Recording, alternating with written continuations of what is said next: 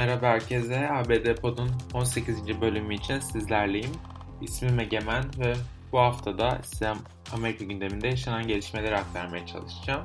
Korona dolu bir gündemimiz var. Aşı deneyen politikacılar var. Pence ile ilgili iddialar var ve daha da önemlisi Mitch McConnell'ın Trump ve Biden zaferiyle ilgili açıklamaları var. Korona paketiyle başlıyoruz. Aslında çok uzun bir zamandır demokratlar ve cumhuriyetçiler senatoda ve temsilciler meclisinde yeni korona paketi yasa tasarısı konusunda uzlaşmaya çalışıyorlardı ve bir türlü uzlaşamıyorlardı. İki taraf birbirini suçluyorlardı. Cumhuriyetçilerin teklifinin hiçbir şekilde yeterli olduğunu düşünmeyen demokratlar çoğunluklaydı. Ancak en sonunda bir uzlaşmaya varıldı. Nancy Pelosi temsilciler meclisinin demokrat lideri tüm taleplerimizi karşılamazsa bile bu bir gelişmedir ve destekliyoruz. Açıklamasında bulunduğu korona paketini demokratlar destekledi. Senatodan da geçti bu paket ve bu paket dahilinde Amerikan halkına ve işletmelere toplamda 892 milyar dolarlık bir yardım yapılacak.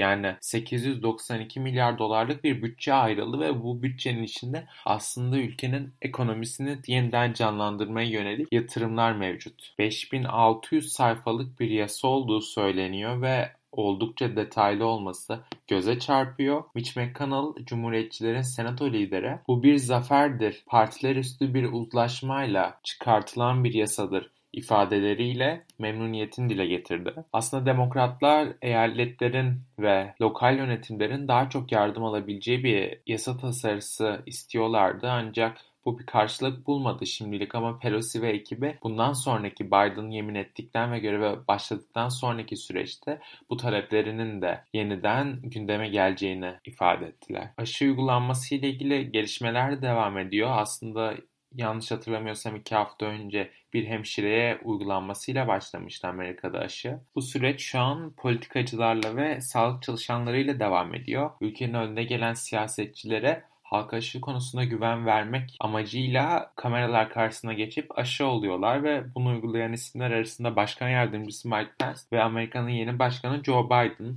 ve aynı zamanda Temsiller Meclisi lideri Nancy Pelosi ve Senato lideri Mitch McConnell da yer aldı. Bu süreçte bütün siyasiler öncelikli olduğu için ve Senato çalışanları ve aynı zamanda Temsiller Meclisi çalışanları öncelikli olduğu için öncelikle onlara uygulanıyor. Daha sonrasında prosedür gereği kademe kademe bütün halka uygulanması bekleniyor Amerika'da aşının. Aslında Mike Pence'in ve birçok cumhuriyetçi ismin bu noktada kameralar karşısına geçip aşı verirken poz vermesi biraz ironik çünkü bu isimler aylar öncesinde koronavirüsün bir yalan olduğunu, işte dış güçler tarafından uydurulan bir olay olduğunu iddia ediyorlardı. Aynı isimlerin kamera karşısına geçip aylar sonra koronavirüs aşısını alan ilk isimler olmasıysa bazı kesimler tarafından tepkiyle karşılandı.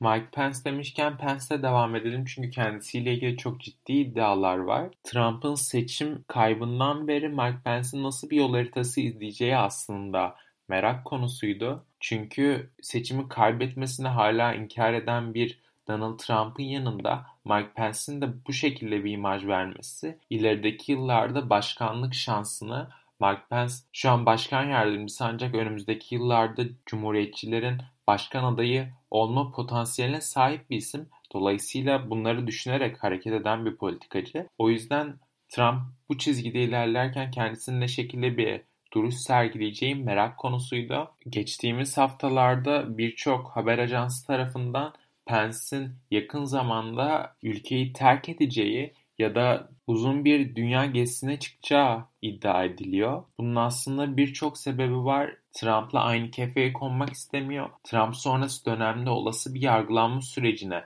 olası bir soruşturma sürecine maruz kalmak istemiyor ve aslında ileride kendisinin başkan adayı olma ihtimalini ortadan kaldırmak istiyor.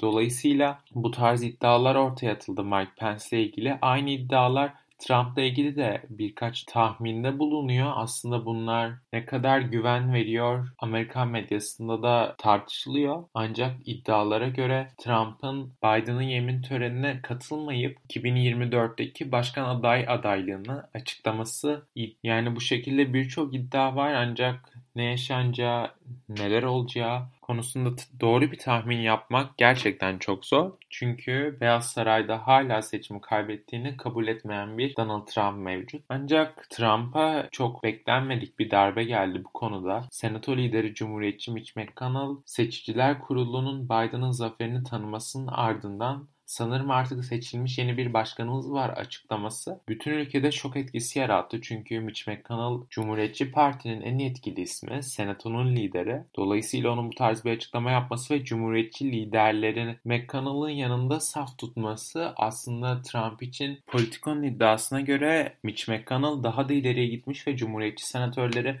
Trump'ın iddialarını desteklemeyin şeklinde uyarmış. Aslında bu da çok haber değeri olan bir gelişme çünkü Trump'ın desteğinin senatoda azalması demek Trump'ın bu tarz söylemlere devam etmeye yüz bulamaması demek. Dolayısıyla aslında Trump'ın bu iddialara devam etmesi ve seçimi kazandığını iddia etmesi biraz da cumhuriyetçilerden ve özellikle senatörlerden ve temsilciler meclisinden bulduğu destekle orantılı. Bu hafta da bültenimizin sonuna geldik. Dinlediğiniz için teşekkürler.